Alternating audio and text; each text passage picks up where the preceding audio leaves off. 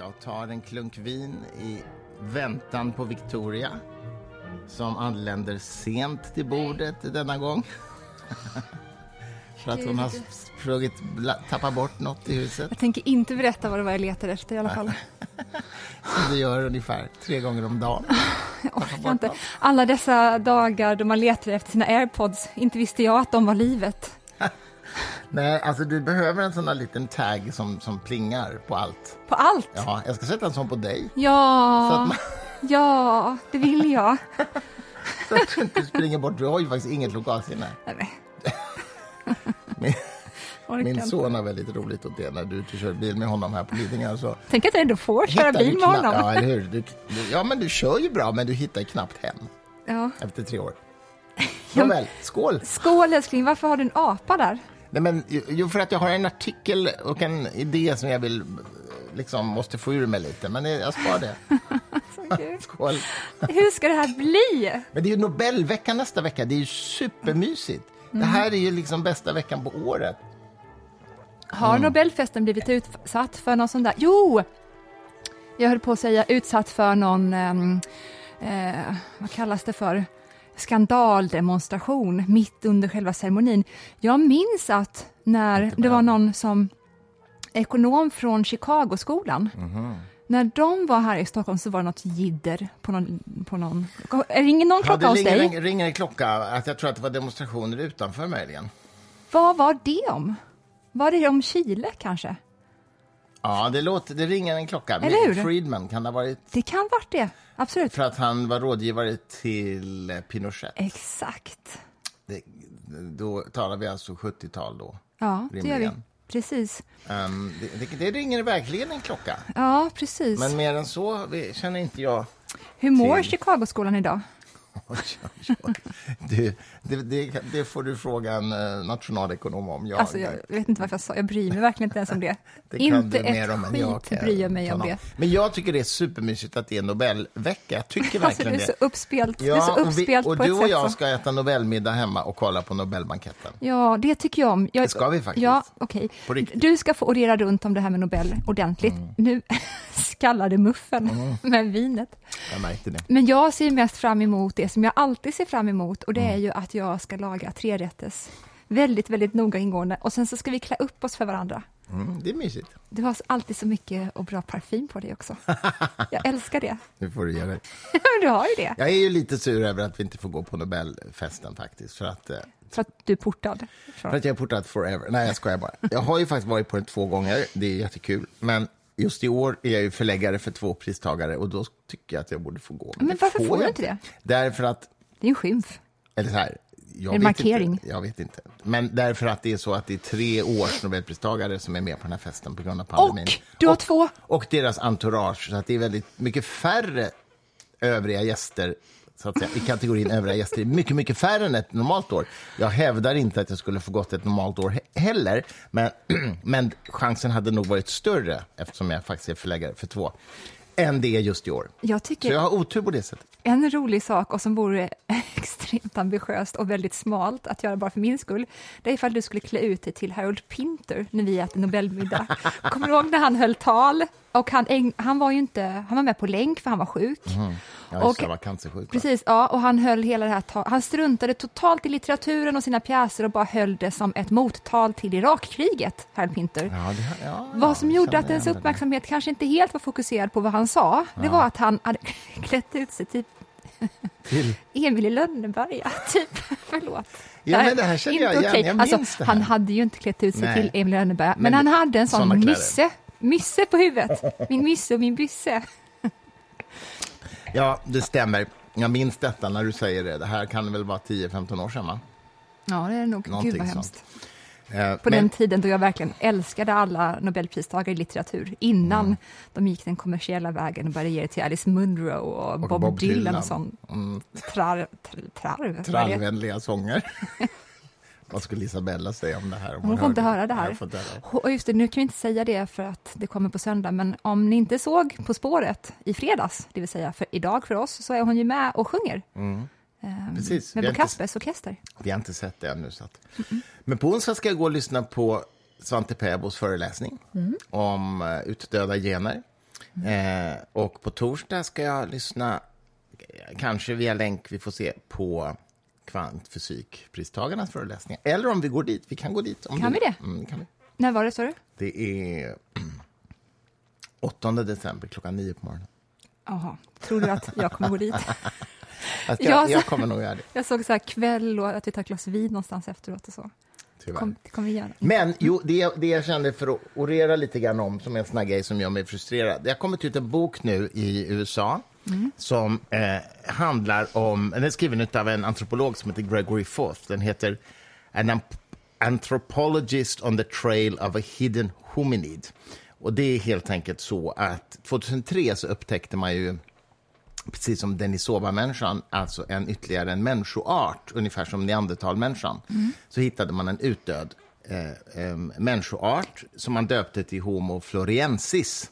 Och det som är karaktäristiskt för Homo floriensis är att det kommer ifrån ön Flores, tror jag den heter. Jag kommer inte ihåg riktigt, men jag tror... Just det, det är den här ön i, i ön Flores Indonesien. Just det. Och grejen med dem är att de är isolerade till en ö, så de blev mycket mindre än andra människor.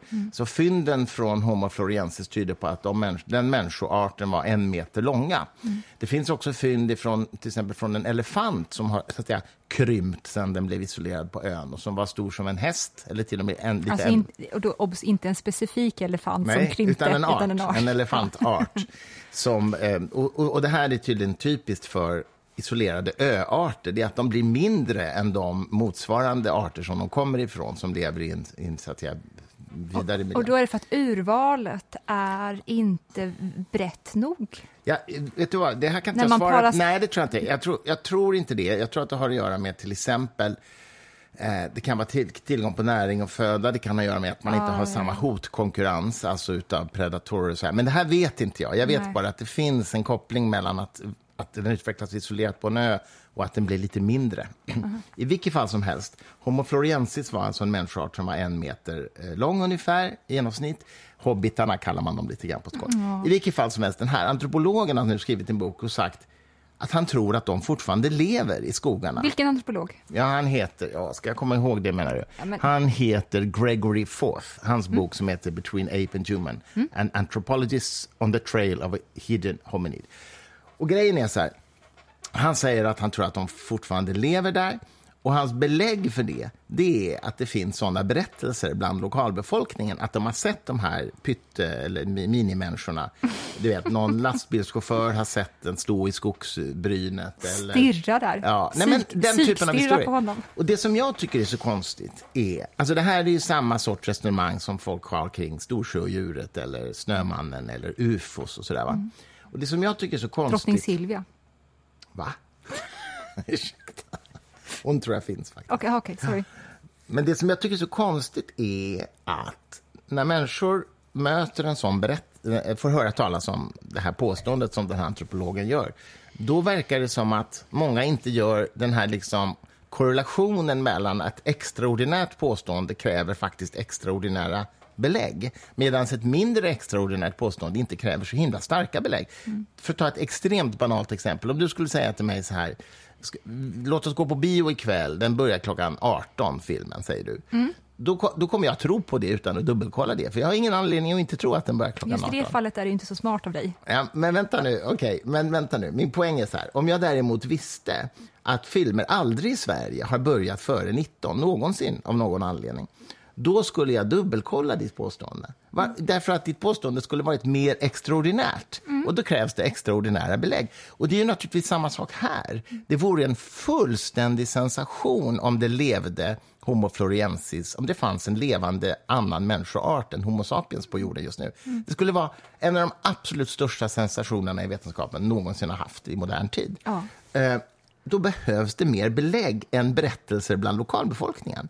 Och dessutom tycker jag man måste ju tänka så här, vilka andra skäl kan det finnas till att det finns såna här berättelser? Eller till och med till att den här killen har skrivit en bok? Ja, till exempel kommersiella skäl. Eh, lokalbefolkningen kanske vill ha mer turism, och precis som Storsjöodjuret. Man pratar om det där för att man vill ha turism till värdshuset vid, den här, vid Storsjön. Um, och den här författaren inser att det är ju, en bok säljer ju mycket om den har en sån här häftig story plus att det vore ju så otroligt, det är en väldigt kittlande tanke att det skulle kunna vara så här. Alla de sakerna gör ju att man ska bli mer skeptisk, inte mer tro på Om det. jag får flika in Mm. med ytterligare en sak som skulle kunna förklara varför någon har sett det här. Mm. Det är att eh, vår perception stämplas så pass mycket utav berättelser som vi berättar för varandra om Mm. och om igen från barnsben. Exakt. Så att de inre bilderna som uppstår i oss kan vi ibland få svårt att särskilja från den yttre världen.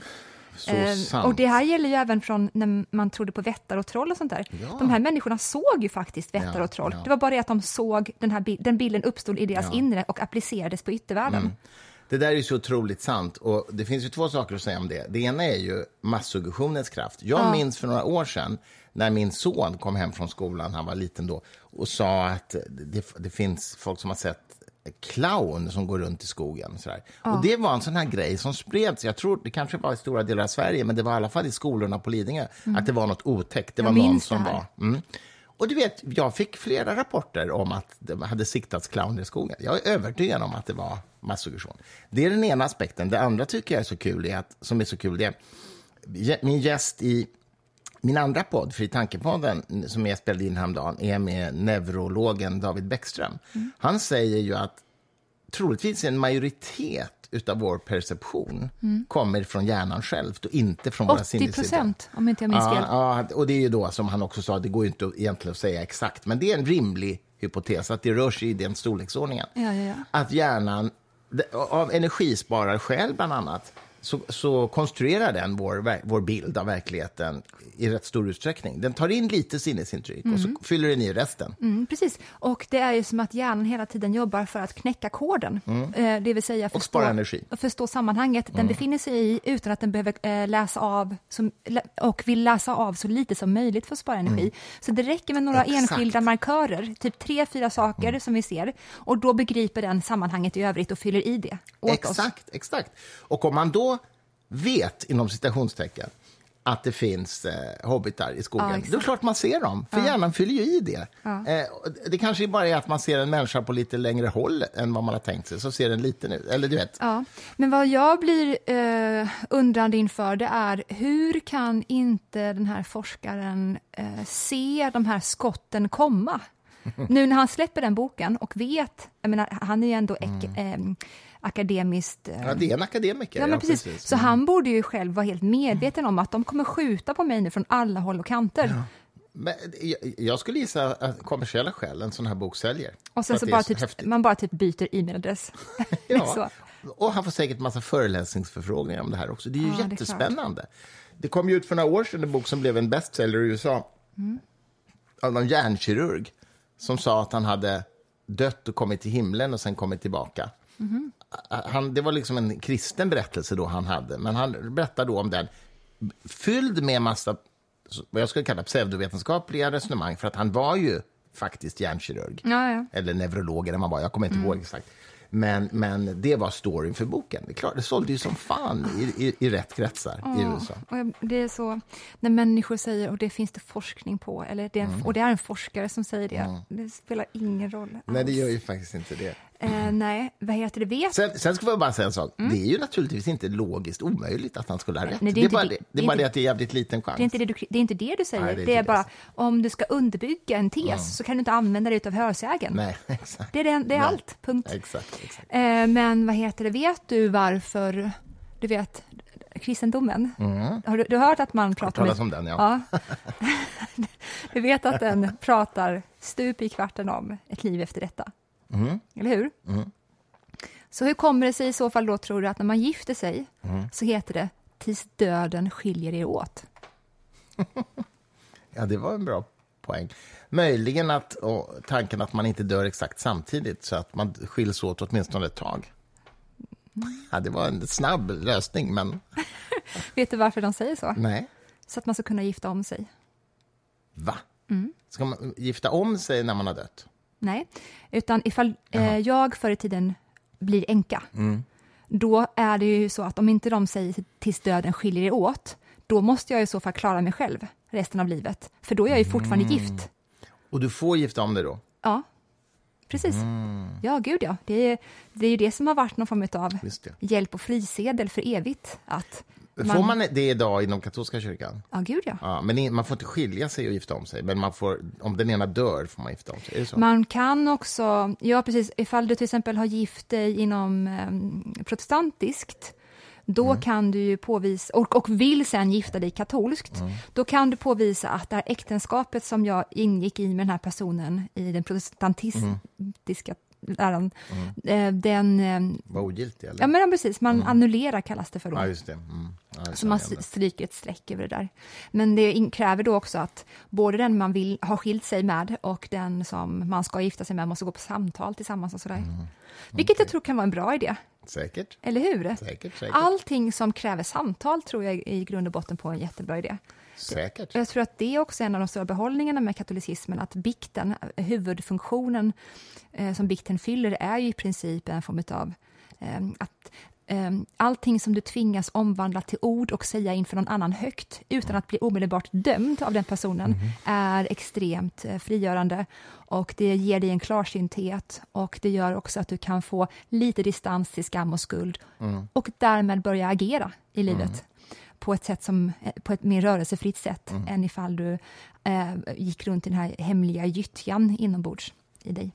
Det kan jag mycket väl tänka mig. Däremot var kanske avlatsbreven inte så bra idé. Nej, Kommersiellt. kanske inte. Jag försökte komma på något positivt med dem, men det finns verkligen inget positivt med dem alls. Det finns inget bra att säga. Ja, det var katolska kyr- kyrkans utsugaravdelning som kom på Fan vad den smarta idén. de var ändå. Det kan man ge dem, eller hur? Ja.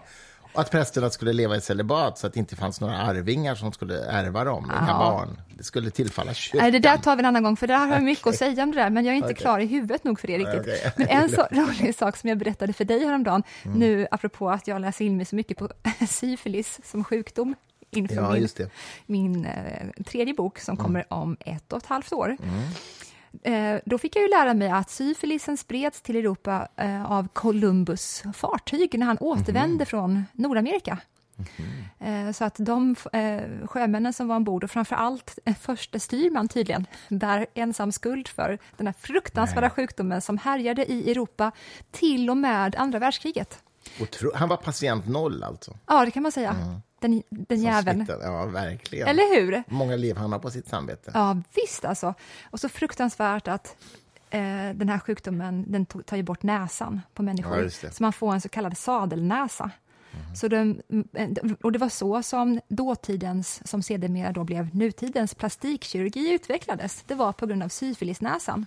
Så man började utföra såna här näsoperationer på människor redan på 1500-talet.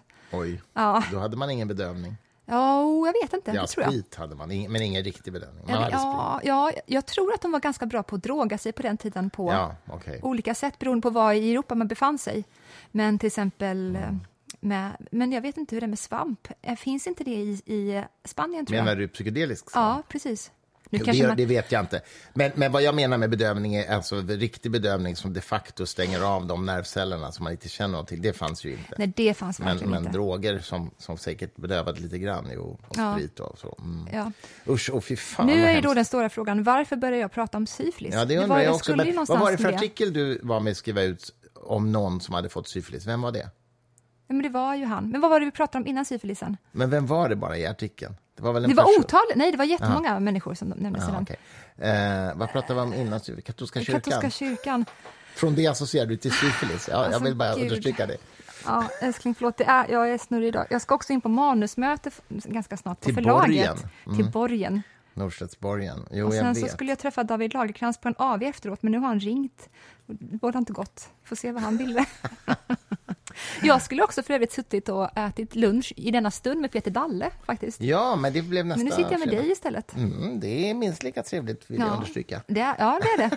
Tack för att du säger det i alla fall, om jag inte förstod det själv. Men, eh, Peter, Peter har ju sagt den lysande eh, meningen, eh, livet är en svår tid. Har han det? Ja, Det är ju det är jätteroligt. väldigt bra. Är det inte hans film också där Susanne skri- säger blanda inte in mig i vårt förhållande? Jo, det är jättebra. Det är jättebra. Man märker ju att det där är en person som har, han har verkligen upplevt relationer.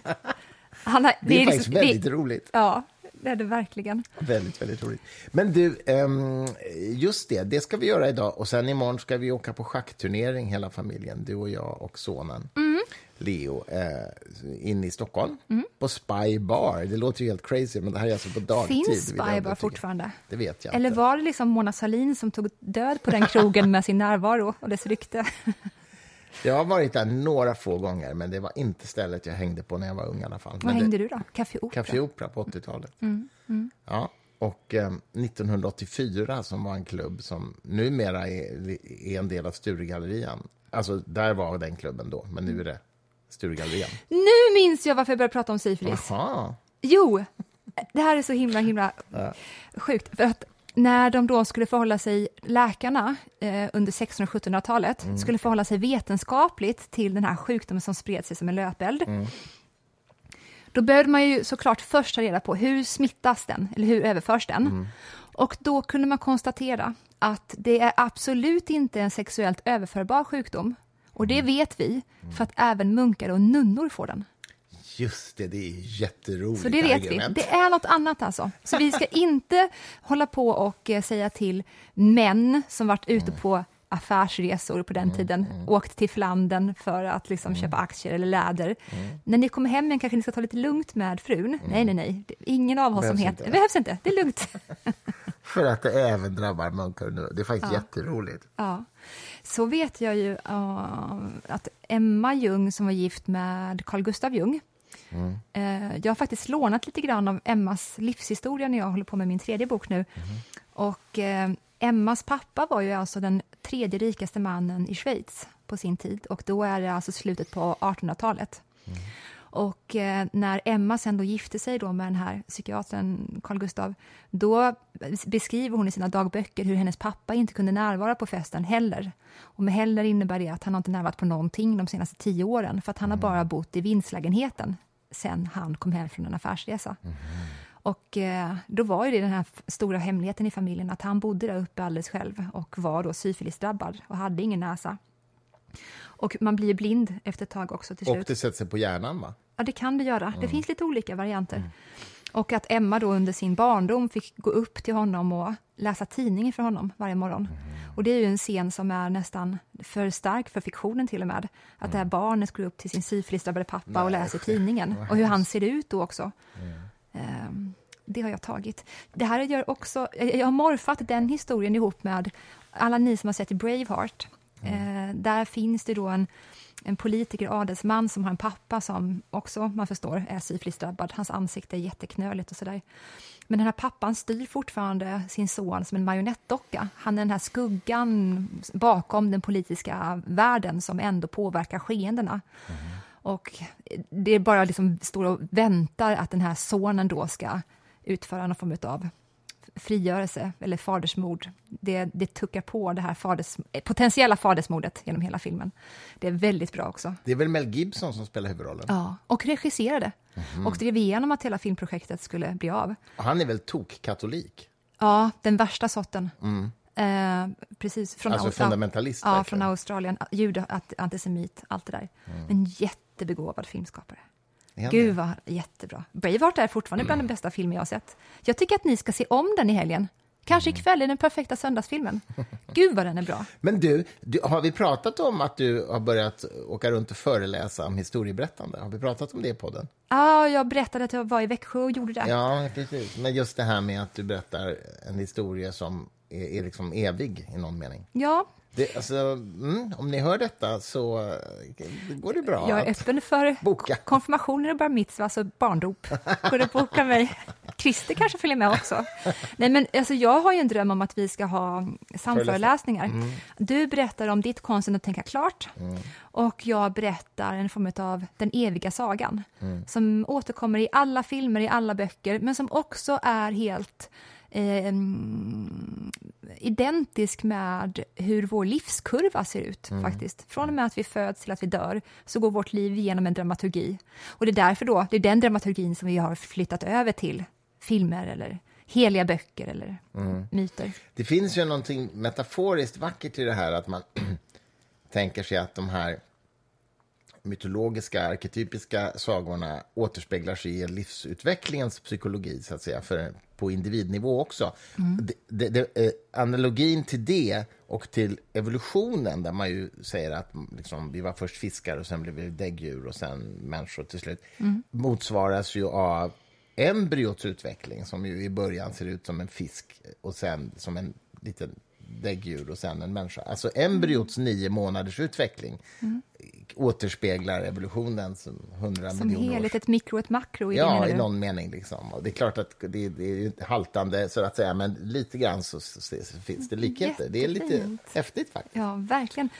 Eh, och, sen så fin- och det tror jag är ganska... Det är inget kontroversiellt i att påstå det här, att eh, den livsramen vi förhåller oss inom, emotionellt och så vidare, det är den livsramen vi applicerar på berättelser också. Men sen kan man då ta, det kom, och det är ingenting jag föreläser om, men någonting som vi kanske pratar mer om, garanterat, det är ju på vilket sätt då som det här innehållet i livsramen har en metafysisk motsvarighet eller inte, det vill säga det onda och det goda. Eh, eller de gudarna på grekernas tid, eller den romerska tiden. Vad är det för urkrafter de symboliserar? För de dyker ju upp verkligen med sin fulla potential i de här berättelserna och slåss mot varandra. Och eh, det är väl visst så att de följer någon form av dramaturgisk båge i vad som händer.